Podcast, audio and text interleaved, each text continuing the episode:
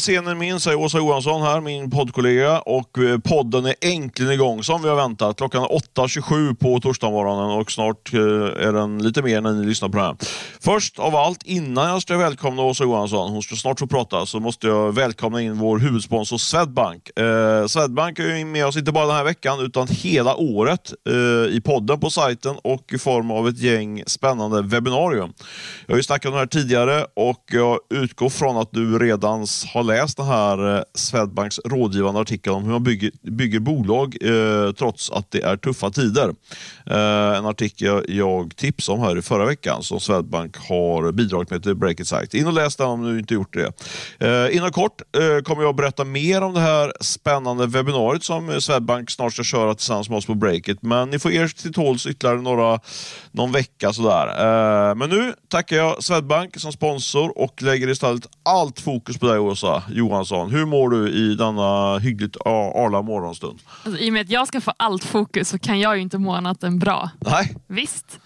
Men, eh, nej, men det, är, det är bra. Jag, precis som exakt alla andra gissar jag, går runt och längtar efter solen.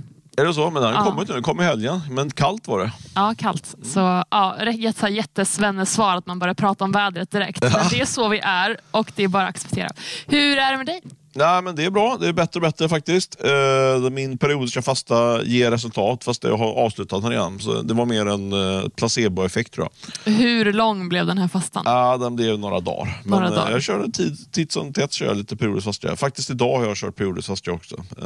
Hjälper det om man kör så här periodiskt fasta ja, men jag en tror gång det. en jag dag? Tror, alltså, jag har väldigt dålig källa på det, men typ folk i min omgivning säger att de har källor på att det är, ger faktiskt resultat även om man gör det kanske bara så här tre, fyra dagar i veckan. Ja, det var veckans eh, hälsotips från eh, Stefan Lundell. Tack så mycket. Exakt. Men du, förutom din eh, periodiska fasta, då, har du haft något spännande möte den här veckan? Ja, det har jag tycker jag. Jag har varit eh, väldigt mycket inne på riskkapital ända sedan jag var tillbaka här från postledigheten. Det är ju inte helt ovanligt när det gäller mig, men jag har nästan bara ägnat mot riskkapital. Och jag inledde veckan med att snacka med eh, parten på Procuritas. Procuritas som är eh, faktiskt Sveriges äldsta riskkapitalbolag. De är 37 år gamla. Jag snackade med en kille som inte var med när, när Procuritas drog igång, men han är numera parten på Procuritas. Han heter Mattias Feif. Okay. Eh, en trevlig man som berättade att eh, Procuritas Securitas precis har stängt en ny stor riskkapitalfond, vilket jag tyckte var intressant. För det går lite grann mot den allmänna trenden att det är väldigt svårt att få in riskkapital nu till riskkapitalfonder. Men de lyckades få in plus 4 miljarder som ska investeras i bland annat digitala konsumentbolag, typ e-handlare och sånt och eh, mjukvarubolag, SaaS-bolag som vi brukar kalla det. Så eh, det var mitt möte med Mattias Feif där. Och det jag tar med mig, förutom då att eh, de faktiskt lyckades få in pengar till fonden, det var att Mattias han beskrev eh, den här dynamiken som är på, på riskkapitalmarknaden just nu eh, som går ut på att börsen har gått ner väldigt mycket. Eh, inte nu de sista, sista månaderna, men om man tittar, liksom, drar ut eh, eh linjen de sista 12 månaderna så är börsen ner.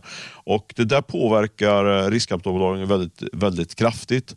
För deras investerare, de har liksom en, eh, en eh, hög med pengar som de ska fördela på olika tillgångsslag, bland annat då börsen och börsnoterade aktier och onoterade aktier.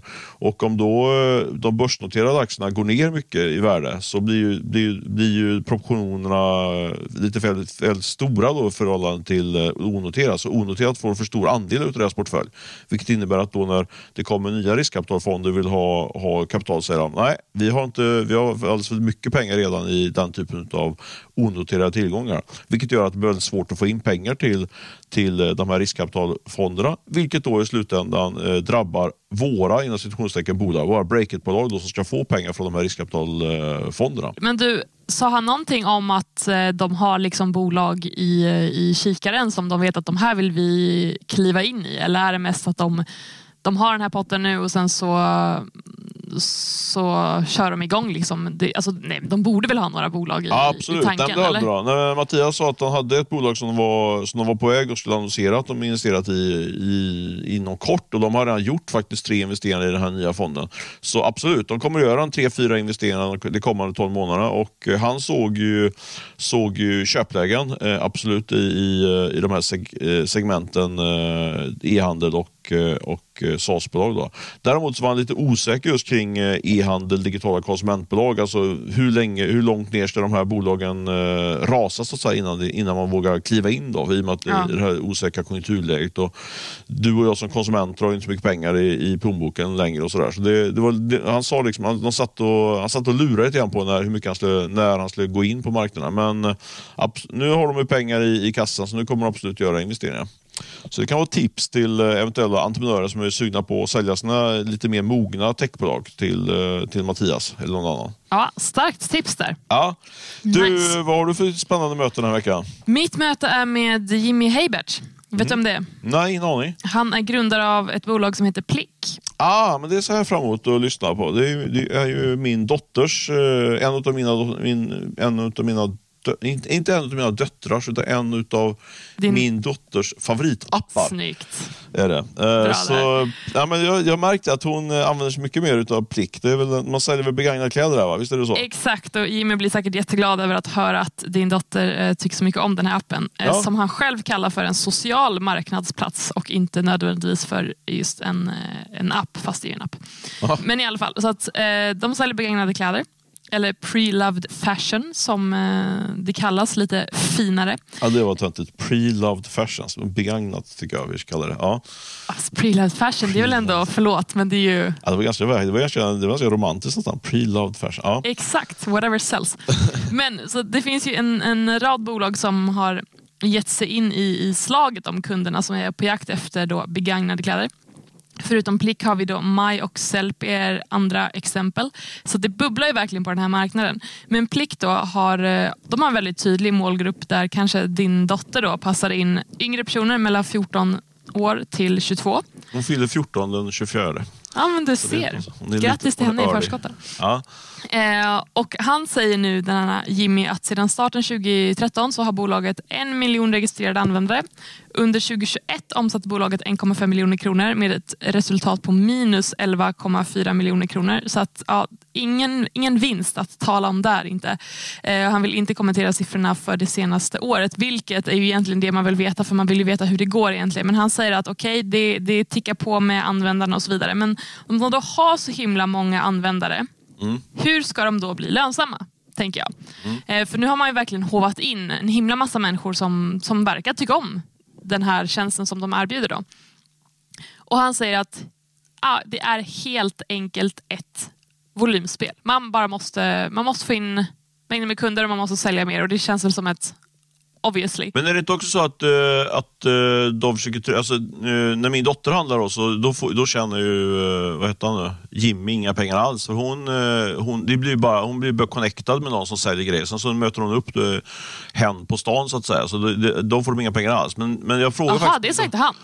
Jo, nej, men alltså, det, jo men så är det. Så de, de kopplar, ihop, eh, kopplar ihop köpare och säljare och du behöver inte betala någonting till dem. Men, men det de försöker koppla in nu, vad jag förstår utifrån min dotter, då, det är ju att de, eh, eh, du vet, man får såna säkerhetsgarantier och liksom, att, man liksom, att de kan eh, se till att eh, att du får varan hem skickad till dig. De lägger på lite exakt. add-ons. Liksom, så, så det är väl det det de det. tjänar pengar på. Men just Signe Lundell tjänar inte en krona på än så länge. Så det är väl att trycka in henne i den här mer... eh, Men den, säljer hon eller köper hon? Hon köper mestadels. För köparen, om du köper någonting, då får du inga... Eller vad menar du?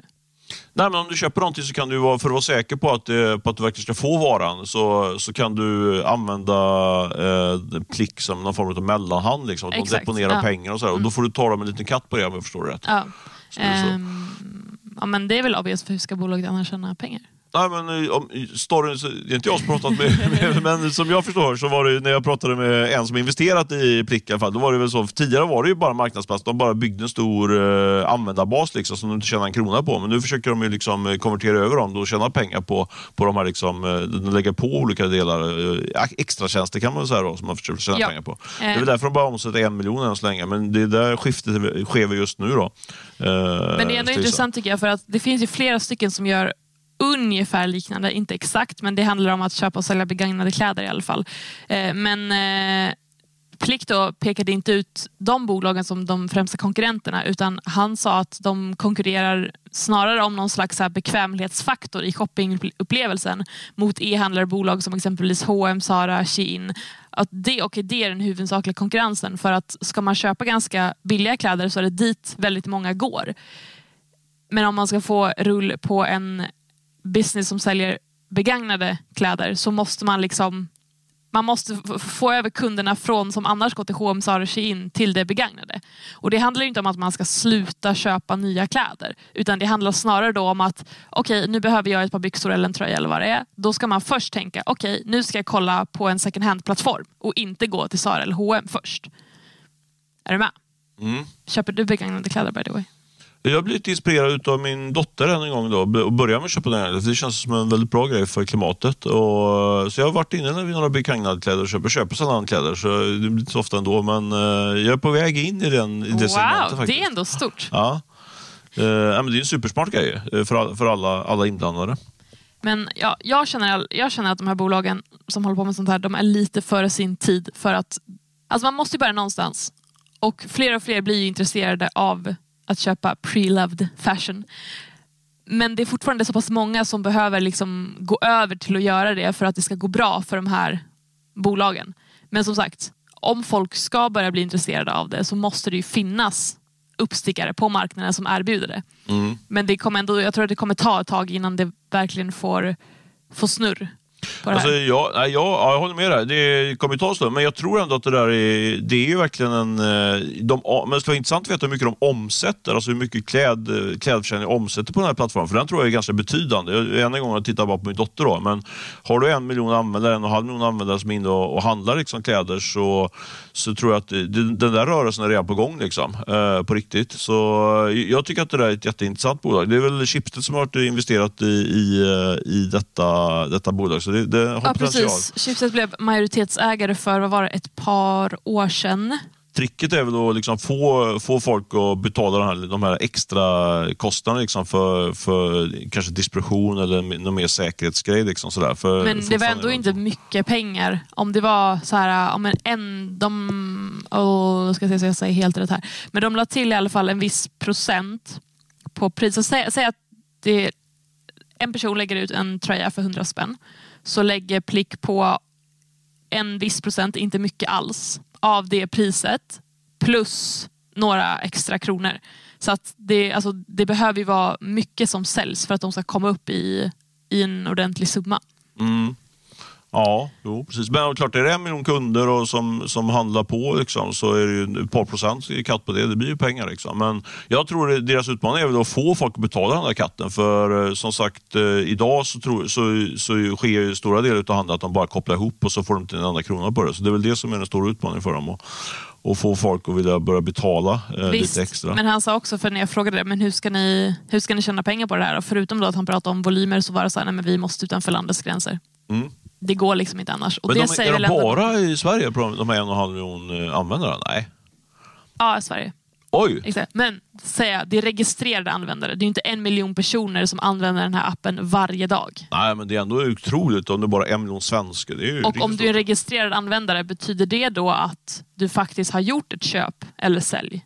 I den här appen? Eller har du registrerat dig för att kolla runt? Oavsett bara att, du ska, bara att du laddar ner appen och är registrerad. Det är, ändå, det är imponerande tycker jag ändå. Det är ändå en stor eh, bas där. Om, om du, undrar om inte de har lite eh, om de inte är utanför Sverige också. Men, men, uh, Han sa ju att de inte är det.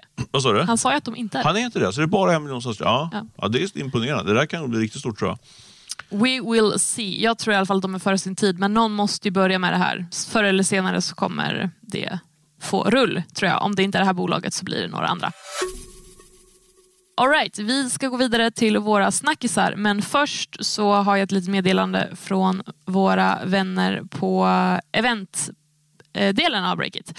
Och de eh, vill att vi flaggar för att snart är det ju dags för Ecom Day som är den 25 april. Så in och anmäl er om ni inte redan har gjort det. Det kan ni göra på Breakit.se och med en kod poddvän får du halva priset. Så you know what to do. Det är stort. Det är stort. Det är inte så många, många platser kvar också hörde jag eh, om en insider här igår när jag sprang på personen. Ja, så skynda fynda. Ja, verkligen. Eh, men du, vi rullar över till våra snackisar och eh, den första snacksen Stefan har du döpt till Skilda världar. Utveckla. Ja, först tänkte jag fråga, vad får du för associationer till Skilda världar? Du är så ung så du kommer nog inte ihåg. Ja, jag eller? vet. Det här låter som något tv-program som har gått på eh, SVT1 som jag inte har sett. Nej, precis. Jag tror att det var typ nästan eh, den sta- första såpan som, som, eh, som, som kördes i Sverige. Inte riktigt, men en av de första riktigt stora satsningarna. Var det inte på fyran förresten? Ja, spelar ingen roll. Men den, i min, jag, jag, tänker direkt, jag tänker direkt på att det är den här serien som gick dag ut och dag in under många, många år. Hur som helst, eh, Skilda världar är också en grej som jag brukar använda i form av, jag är inte ensam om det, men att man använder det i rubrikform eh, när man ska beskriva olika saker. Jag tycker att eh, eh det som, eh, det ringar in lite grann eh, en sak som jag noterat de sista dagarna här. Jag har två intressanta datapunkter eh, Som jag tycker säger mycket om eh, läget just nu i, i eh, techvärlden, både i Sverige och globalt. Och jag har tänkt förklara dem, lite otaktiskt då, för det är den första, det är kanske inte så poddkompatibelt, men det är en graf som du i alla fall ser i vårt dokument här. Ja, knappt ska erkännas. Tämligen kan du- suddig. Kan du förklara eller ska jag förklara? Förklarar du. Så här ser en graf ut i ljud. Ja, men så här ser en graf ut. Nej, men Den här grafen visar eh, en väldigt intressant kurva som är på väg eh, kraftigt uppåt. Och eh, eh, Det den illustrerar är värderingarna utav eh, techbolag runt om i världen. Hur, vad, vilken värdering har de när det gäller P-tal? Vad är ett P-tal? Har du koll på det? Berätta. Det är alltså price genom earnings heter det. Och det är alltså hur, hur mycket man värderar varje, varje vinst. Ja. Om man har en vinst på, på 10 miljoner och eh, bolagets värde är 100 så är P-talet 10. Alltså man tar vinsten gånger 10 så får man det. Så det är liksom ett sätt, om det, då innebär att om det är P-tal 10 jämfört med om det är P-tal 20. Om man har ett bolag som är, har P-tal 20 så är det en, värderar man den vinsten mycket högre än det andra bolaget som har P-tal 10. Så det är en väldigt intressant eh, datapunkt när man värderar bolag. Och den här grafen då visar eh, hur eh, techbolag värderas versus alla andra bolag kan man säga. Och Det som den visar är att i dagsläget så värderas eh, techbolag, techbolags vinster värderas mycket, mycket högre jämfört med, med eh, andra bolag. Eh, jag tror den ligger på, om jag ska se rätt där, 1,7 ungefär eh, högre jämfört med, med vanliga bolags eh, P-tal. Så det man kan slå fast utav den här datapunkten som jag fångade från en investmentbank som heter Morgan Stanley, det är att eh, börsnoterade techbolag och som är lönsamma är väldigt högt värderade då, jämfört med eh, van, eh, andra noterade bolag. Så det är liksom den första datapunkten. Och det tycker jag för min egen del var sådär, jaha är det så? Vi, vi har ju pratat i vår, den här podden och vi skriver ju massa artiklar om hur, hur liksom, eh, nedtryckt hela techsektorn är. Men här visar sig att eh, investerarna faktiskt värderar lönsamma techbolag högre generellt jämfört med ett vanligt bolag, ett, an- ett annat bolag. Nu blev det lite ekonominördigt här, ska Ja. erkännas. Ja. Eh, Men i alla fall, så här ligger det till. Rätta mig om jag har fel nu. Investerarna värderar alltså techbolag rekordhögt samtidigt som investeringarna i vissa techbolag rasar. Hur hänger det här då ihop? Ja, för det var, nu rullar jag in på min andra datapunkt innan jag säga det. Men så är det ju. Du har ju koll på vad som händer på marknaden. För, det, Oh ja. för det, den ytterligare en datapunkt då som be- befäster precis det du sa, att eh, investeringar i, i techbolag rasar. Det är att vi såg eh, vår, våra kollegor Sifted, som är en internationell techsajt. Eh, de kom eh, med, med data på investeringar i, eh, i techbolag eh, globalt här nu igår. Och där såg man att investeringar till exempel i fintechbolag, de var ner nästan 80 procent under det första kvartalet i år jämfört med första kvartalet förra året. Så precis som du säger, eh, eh, samtidigt som eh, bolag, noterade lönsamma techbolag eh, värderas väldigt högt så kan man se generellt att eh, investerarna flyr helt enkelt från investerare generellt i, i alla fall i yngre, yngre bolag, eh, techbolag.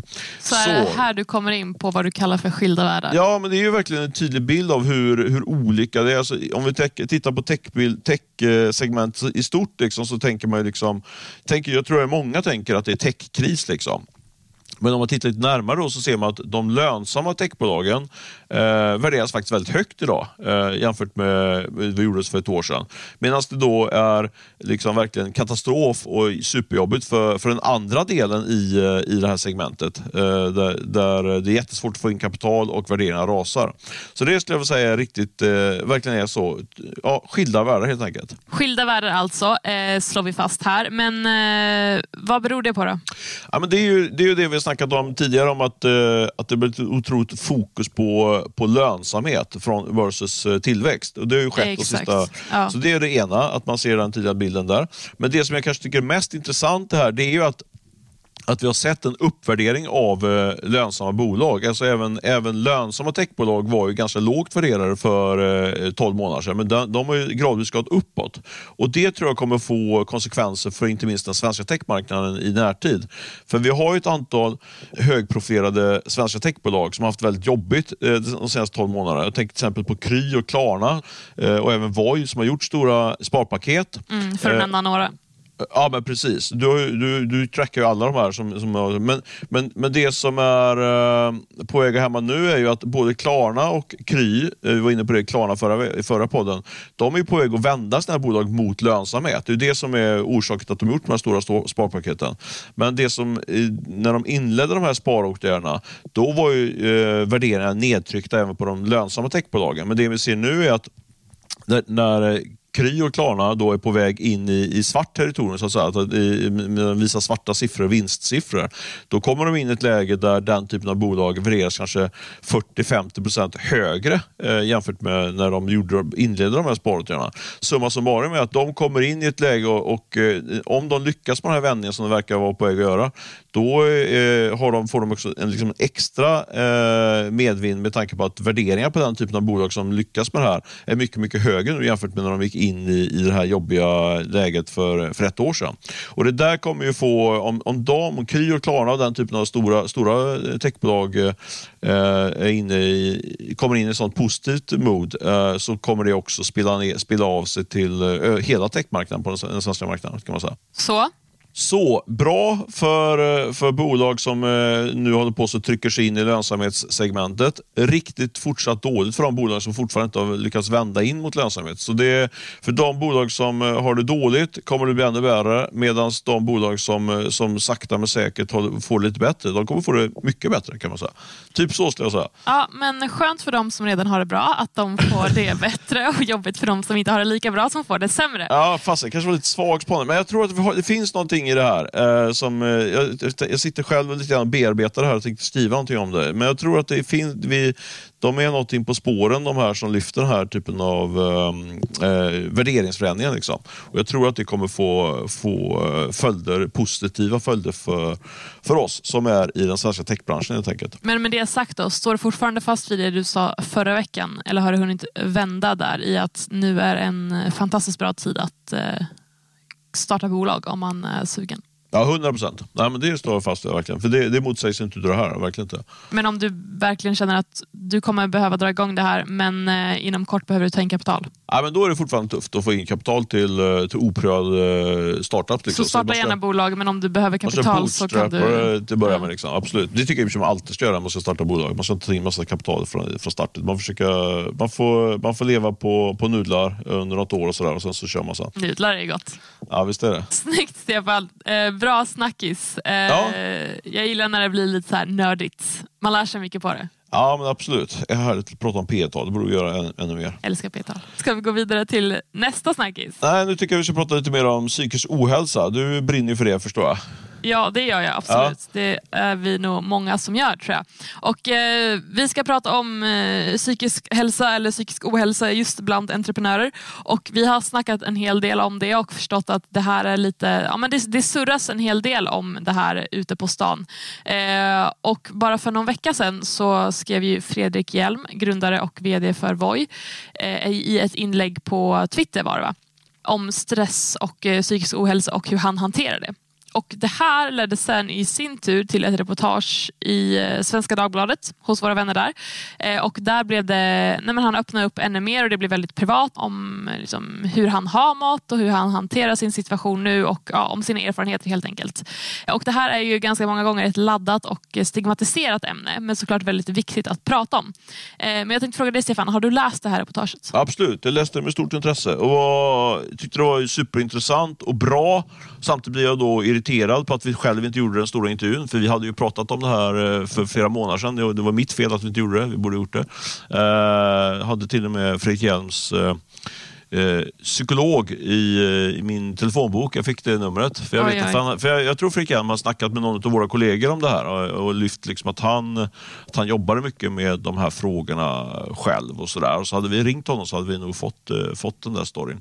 Men skitsamma, ja, eh, det kan det man inte gräma sig för. Men jag tycker det är jättebra att, att den frågan lyfts och jag läste intervjun med stort intresse måste jag säga. Jag med. Och eh, Voi var ju beroende av investerades pengar i närmare fem år eh, och det var ju då en period där Fredrik Hjelm behövde jaga kapital flera gånger om.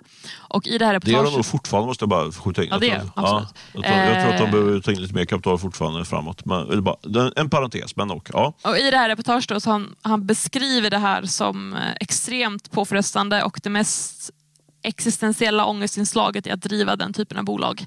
Just och, att få in, ta in kapital eller? Ja, precis. Mm. Eh, om jag har förstått det rätt. Eh, men han har i alla fall drabbats av två utmattningsdepressioner under de senaste tre åren i samband med att de skulle ta in kapital. Och det här, alltså jag tycker det är supermodigt att man går ut i media och pratar om det här i och med att det är så pass stigmatiserat ändå. Inte bara just gällande entreprenörer men överlag. Eh, men i alla fall, jag ringde upp Fredrik igår och eh, undrade helt enkelt varför ställer han upp på den här intervjun? Och han sa just det, att nej, han tycker att det är väldigt viktigt att avstigmatisera den här typen av frågor. Eh, och hans erfarenhet är att alla på alla nivåer har någon form av utmaning med just stress, ångest, utmattning, utbrändhet. Och nu har jag inte frågat hela landet men jag är beredd att hålla med honom där. Och han säger att nej, just det här med att det stigmatiserat att det är verkligen i alla delar av samhället enligt honom då. Men kanske extra mycket hos bolagsgrundare eller personer som ser sig själva som högpresterande och eh, starka. Men jag tycker, Stefan, du är ju entreprenör och du har byggt Breakit. Hur har du mått när du har byggt ditt bolag? Kan du känna igen dig i, i det här som han beskriver? Men jag, jag tänkte, det sista du sa till att börja med, så jag tror verkligen att det finns lite lite så här liten, eh, någon form av machokultur liksom i tech och startupvärlden. Att entreprenörerna ska vara starka och, och hårda liksom och sådär och inte visa, visa den, här, den här svagheten som, eh, som Fredrik Hjelm visade. Eller svaghet. Men, men liksom det är väl ingen svaghet, det är väl jättestarkt nej, men jag, jag, men, jag, menar inte svaghet, men liksom att han visar upp den, eh, den, en annan sida liksom. det är av det. Eh, och hur man kan vara som... Att alla människor kan ju, kan ju... Om du får ångest eller en utmattningsdepression, det har ingenting att göra med om du är stark eller svag. Nej, men eh, förlåt att jag uttryckt mig felaktigt. Jag menar inte svaghet, men jag menar att det visar upp den här sidan, den är mer bräcklig bräcklig sida då, så att säga, jämfört med att man är stor. Jag, jag kontrasterar det med liksom, att, man, om man är, eh, att det finns liksom en bild av att eh, entreprenören ska vara starka, dynamiska, eh, drivande personen, då är det ju, är det, står det ändå i kontrast till någon person som, är, som lider av utmattningsdepression och ångest. Så att säga. Det är det jag menar. Sen, sen behöver man inte lägga värdering vad som är starkt och svagt i det, men liksom, det är i alla fall en sida som inte visas upp så ofta. Så Det tror jag gör att det blir svårare att komma ut och prata om de här sakerna för, för liksom en entreprenör i, i, av Fredrik Hjelms dignitet då, i ett stort bolag. Och sådär. Men du frågar hur jag har mått när jag byggt bolag. Det, ja. det har absolut varit verkligen en eh, upp och nerresa. Eh, senast förra våren så var jag på väg att gå in och ta ett större chefsansvar kan man säga breaket. Jag är ju report breaket. Eh, men det där var ju så pass pressande för mig så jag fick ju, jag tror att två dagar innan jag skulle ta över någonting så skulle jag skulle gå in som Eh, TF eh, chefredaktör var det väl. Eh, då sa jag bara, nej jag pallar inte det här. Jag har, fått, jag har haft olika tecken på utmattningsdepression då, eh, som min fru har flaggat för som har bra koll på det. Så det, det, för att vara väldigt konkret så har jag ju verkligen varit eh, eh, nära den här berömda väggen kan man väl säga. Vad hade du för symptom? Uh, jag hade ångest, uh, sömnsvårigheter, uh, allmänt stressad. Så, liksom, mm. sådär. Svårt också att värdera saker och ting. Saker som inte alls var stora blev superstora. Liksom. Ja. vi tittade på, på försäljningen av våra premiumprenumerationer till exempel som vi, hade någon form av, som vi hade en budget på som vi inte låg lite efter och då blir det en jättesgrej för mig. Jag trodde typ att bolaget skulle gå under. Liksom. Okay. Alltså, så man fick eh, inte riktigt gå... Ja, men, ja, men, eh, helt oproportionerligt liksom, eh, fick man... Eh, eh, man fick ingen distans till saker och ting. Eh, och då blir man inte så bra ledare heller. Så jag tror att det var... En parentes bara, det som var coolt med, med att jag tog ett steg tillbaka där, då tänkte man nu kommer ju bolaget rasa här. Liksom. Så tänkte inte riktigt, men liksom, det var ändå ett dåligt läge bara att lägga i knät på någon annan som var, blev Matilda Andersson då, som fick gå in, vår, vår nuvarande nyhetschef. Och, men det visade sig bara liksom att folk kan växa i de situationerna, för det blir, mm. blir hur bra som helst helt enkelt. Så det är väl eh, det är lite långa svaret då på hur jag mått som entreprenör. Det har varit upp och ner och ganska mycket ner kan man säga. Ja, men skönt att du mår bättre nu i alla fall, verkar det som. Ingen kommentar? Ingen kommentar. okay. Nej, men det gör jag faktiskt. Jag mår, jag mår absolut mycket bättre. Uh, I alla fall psykiskt. Fysiskt är jag ändå fortfarande lite, lite svag då, men uh, jag är på väg tillbaka. Jag har haft influensa och allt sånt där. Men det blir mycket av mig i privat, min egen fysiska hälsa nu. Men mentalt mår jag jättebra faktiskt. Bra. Det här är alltså podden om Stefan Lundell. Ja. Eh, om ni hoppar in och lyssnar nu. Skämt åsido. Men du, så här, jag tänker så här, för att du pratar med mängder med entreprenörer. Det gör jag också. Eh, både som tar in kapital eller inte tar in kapital. Eh, liksom, vad är din take? Hur vanligt är det med det här? För alltså, jag ska erkänna, det är inte ofta jag hör folk säga till mig, sen brukar jag inte fråga så här, hur mår du psykiskt? Det frågar jag inte om det liksom är på agendan. Så. Eh, eller har det här varit en jättestressig period? Utan man pratar mest om, om verksamheten så att säga. Så jag har egentligen ingen uppfattning om hur vanligt det är inom techsfären. Vad är din take? Nej, men jag vet inte. Jag tycker att när man, eh, när man själv öppnar upp sig lite grann och pratar, pratar om sina egen, egna problem och oro och sådär, så tycker jag att folk, alltså när du driver företag går du ju runt och har eh, mer eller mindre ångest hela tiden. Liksom. För att du, är ändå, ändå, ja, men du har ju ändå ansvar för att bolaget ska rulla, rulla, du ska betala ut löner varje månad. Liksom, och så, så det, det, är ändå en rätt eh, tuff press måste jag ändå säga. Så man måste ju lära sig att tänka bort det där, annars så blir man ju galen. Ja. Det går det ju ja. liksom inte. Nej. Men, så jag tror att det är ganska, jag tror det är ganska vanligt med att folk, att man liksom som entreprenör är lite så på och av i det. Liksom. Man måste, vara så här, man måste kunna eh, koppla bort det, annars går det inte. Om man liksom går och funderar på exakt hur Särskilt då de här Fredrik Hjelm-personerna som driver bolag som förlorar massa pengar varje månad också. Mm. Det tycker jag skulle vara sjukt stressande. Men om du har, en bolag, så, har ett bolag som, som tuggar på och går med hygglig vinst och sådär, då tror jag det är mindre, mindre vanligt.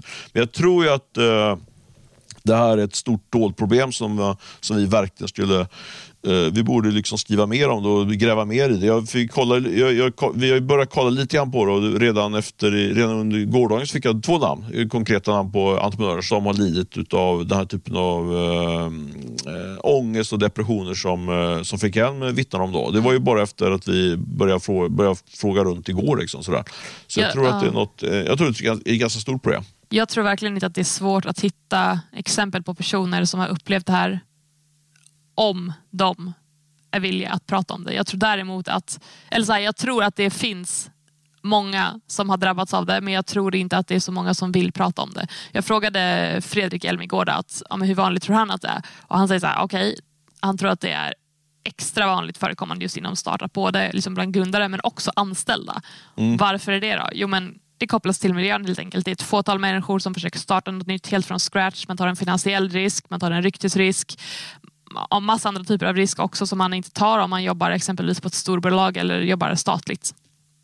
Men, men det som jag har tänkt på utifrån när vi sitter och pratar om det här, liksom, eh, eh, du, du säger att Hjelm tyckte att det var väldigt stigmatiserande och, och, och du nämner det också själv. Och sådär. Jag tycker det samt att det har ändrats ganska mycket de sista fem åren. Det är ju inte, det är inget jättedramatiskt att man säger att man, eh, att man har varit på väg att gå in i väggen eller att man har har uh, lider av ångest till och från. Liksom så, så jag tycker ändå att det mm, jag kan, På ett sätt kan jag tycka att vi ekonomijournalister har varit lite för dåliga speglare. Vi kanske inte ringt och frågat tillräckligt mycket. Jag tror inte att det, jag tror att, jag tänker mig, i och med att jag fick två namn igår, liksom, för folk som får vi se om de vill prata ut med namn och sådär. Men jag tror inte att det, det vore lite, lite stört tycker jag, om det skulle vara så att det, att det är stigmatiserande att prata om att man mår dåligt till och från. Liksom. För det, ja, så är alltså det jag håller helt liksom. med dig. Alltså, det borde verkligen inte vara stigmatiserat. Det är så otroligt vanligt och normalt att ha ångest eller vara deprimerad till och från. Men det är samma sak, om man här, kolla, typ, om man kolla mens. Typ. Det pratas ju inte alls så mycket om för oj det är pinsamt, det blir stigmatiserat. Fast det är ändå så här, det är hur normalt som helst och hälften av befolkningen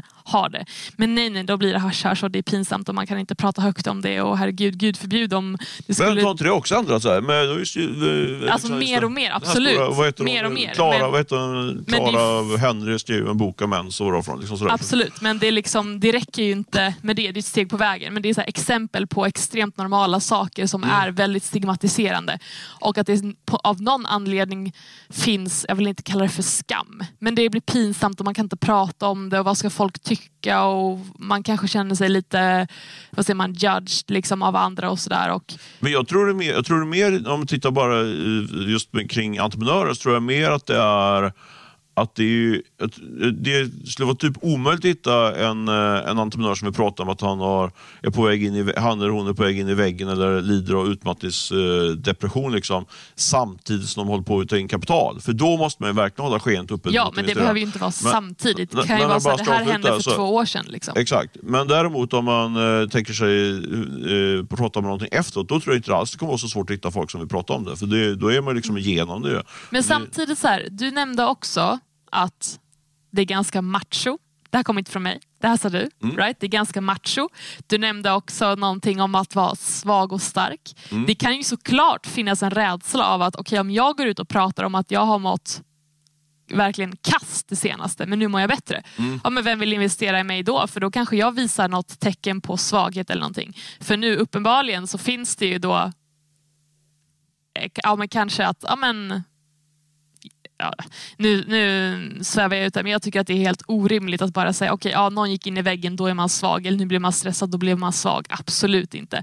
Men jag förstår om folk kan vara rädda för att uppfattas som det, bara för att man inte är så här, alltså någon superman eller superwoman exakt hela tiden. Men det är också extremt orimligt, för kör man på alltså 150 procent exakt hela tiden utan att liksom ha det liksom stödet man kanske behöver eller ha jag vet inte, en psykolog eller liknande som liksom kan hjälpa en att liksom lägga upp en tydlig plan för hur man ska hantera det här för att det ska fungera. Mm. Nej, men då är det klart att man havererar efter ett tag. Alltså, vi är ju människor, dessvärre. Mm. Vi kan ju bara det alltså, som kroppen mäktar med. Säger kroppen stopp, då har man ju absolut ingenting att säga om saken. Då är det ju bara att vila upp sig. Ja. Nej men så är det. Jag tror inte, jag pratar absolut inte om du går ut och pratar breaket om att du har, eller som, eh, som Fredrik Hjelm gjort nu. Tvärtom tror jag att det är en fördel om man nu ska tänka rent krasst kommersiellt. Liksom.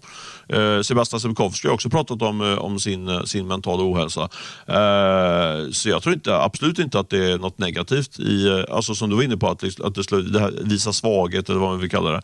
Eh, det tror jag inte, i, i dagens läge tror jag det typ kommer bara vara, du kommer få mer attention, kommer bli, anses vara en en eh, mer eh, öppen och bra ledare, liksom, vilket är bra för bolaget. Så jag tror inte att det är negativt att prata om det. Om det nu var det för, om det någonsin har varit liksom, eh, negativt att prata om det. Men däremot just om man är mitt inne i fundraising, då tror jag att det, liksom, i det läget då är det väl då vill man ju inte ha en entreprenör som, som inte ja, men som typ är på väg att bli sjukskrivning sjukskriva sig. Det, det, det, tror jag är negativt. Men däremot om man tänker sig bortsett från att man fått in kapitalet och sen efteråt snackar om att man har varit, varit väldigt nära gränsen, då tror jag kommer det vara positivt. Ja.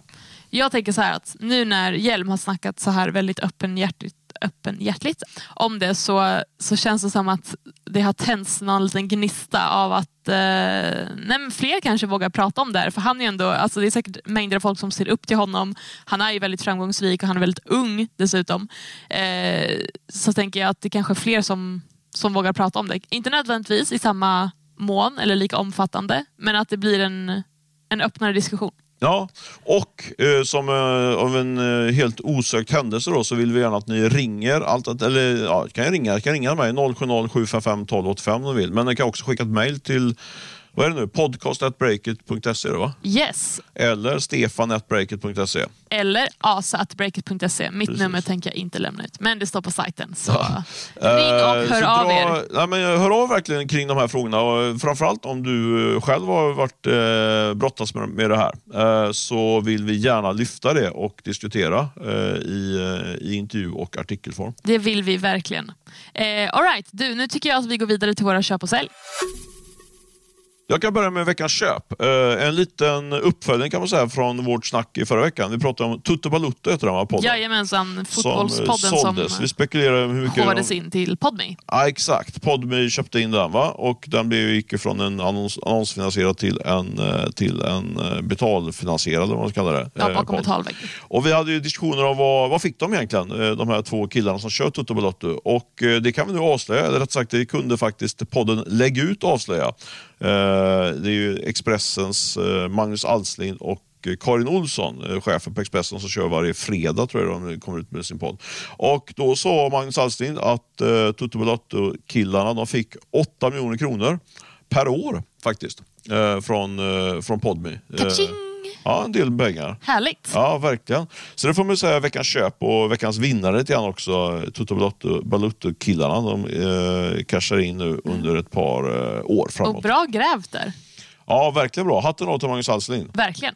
Eh, all right, då kör jag min veckans köp. Jag Mm. avslöja, jag har faktiskt två veckans köp. Jag sket i min veckans sälj. För Här har vi positiva nyheter. Mm. Positiva nyheter, Eh, dels, om jag börjar med den ena, så här, ljusglimt i allt detta kaos. Eh, kommer in på lite det vi pratade om innan, om investeringar. Det senaste året har ju den globala finansmarknaden förändrats i grunden. Det vet vi om. Hög inflation, snabbt stigande räntor, oro för banksystemet eh, och så vidare. Det har ju förändrat förutsättningarna för startups som behöver finansiering. Men det finns då ljusglimtar. Eh, Breakits data från första kvartalet i år visar att över 100 svenska startups fick in nya cash i totalt 4 miljarder kronor. Så att såklart, det är ju inte lika goda tider som eh, tidigare, absolut inte. Men det är ändå härligt att se att det finns lite ljus i eh, startup-sfären. Och hela den här sammanställningen går att läsa på breakit.se. Härligt. Ska du köra köp nummer två direkt eller ska jag gå emellan? Ja, en men jag liten- kan köra min köp nummer två. Ja. Och eh, Vi fick ju höra igår att nu så är det flera fackföreningar som har ställt eh, krav på Spotify om att eh, nej men nu är det kollektivavtal som gäller. Det är Unionen, Sveriges Ingenjörer och eh, Akavia.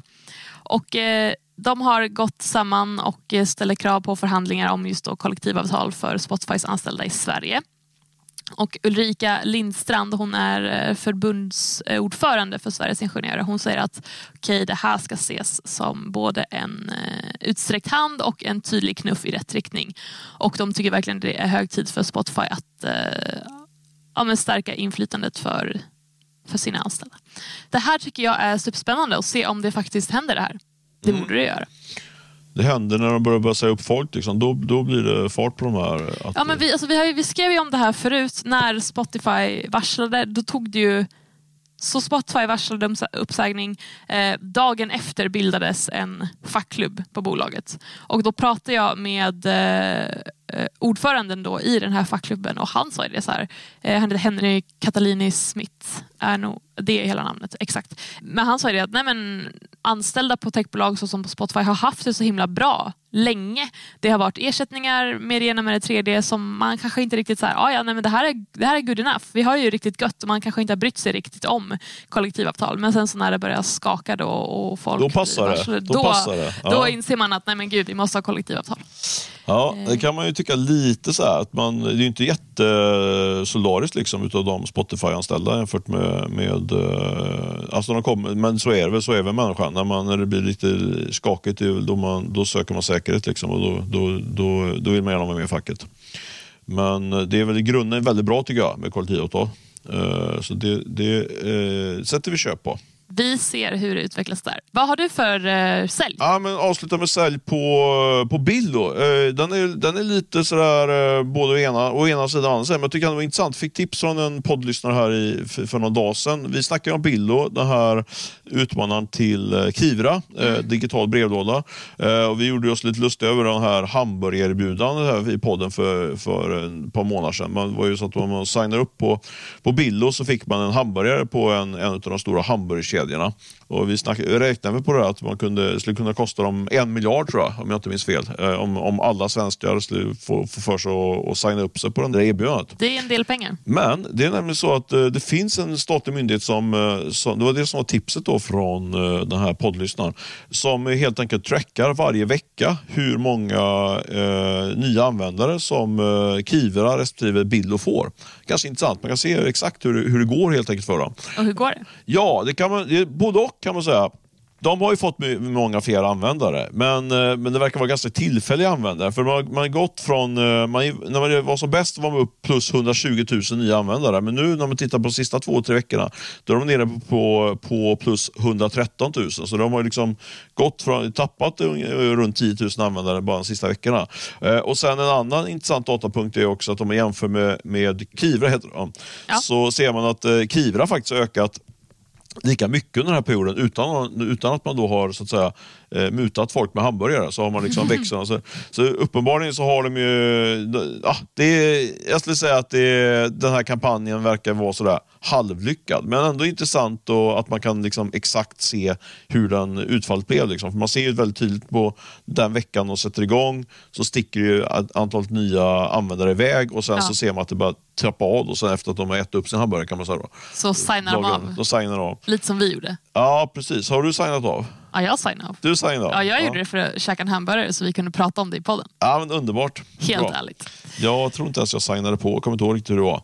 Men eh, så vi sätter väl ändå en liten, en, eh, liten sälj på Billo. Vi har ju granskat dem från, utifrån andra aspekter också, eh, där det verkligen har varit sälj får man säga. Du, eh, jag har inte så mycket mer att tillägga mer än att, eh, att jag än en gång vill lyfta att vår eh, huvudsponsor Swedbank är med oss den här veckan, vilket vi är väldigt glada för, i alla fall jag. Och eh, ja, vi syns nästa vecka om inte du vill säga något mer Åsa. Nej, jag tycker att vi eh, nöjer oss så. Så alla ni som lyssnar, tack för att ni är med oss eh, varje vecka och såklart hör av er. Högt och lågt, ris och ros. Ha det bra! Ha det bra!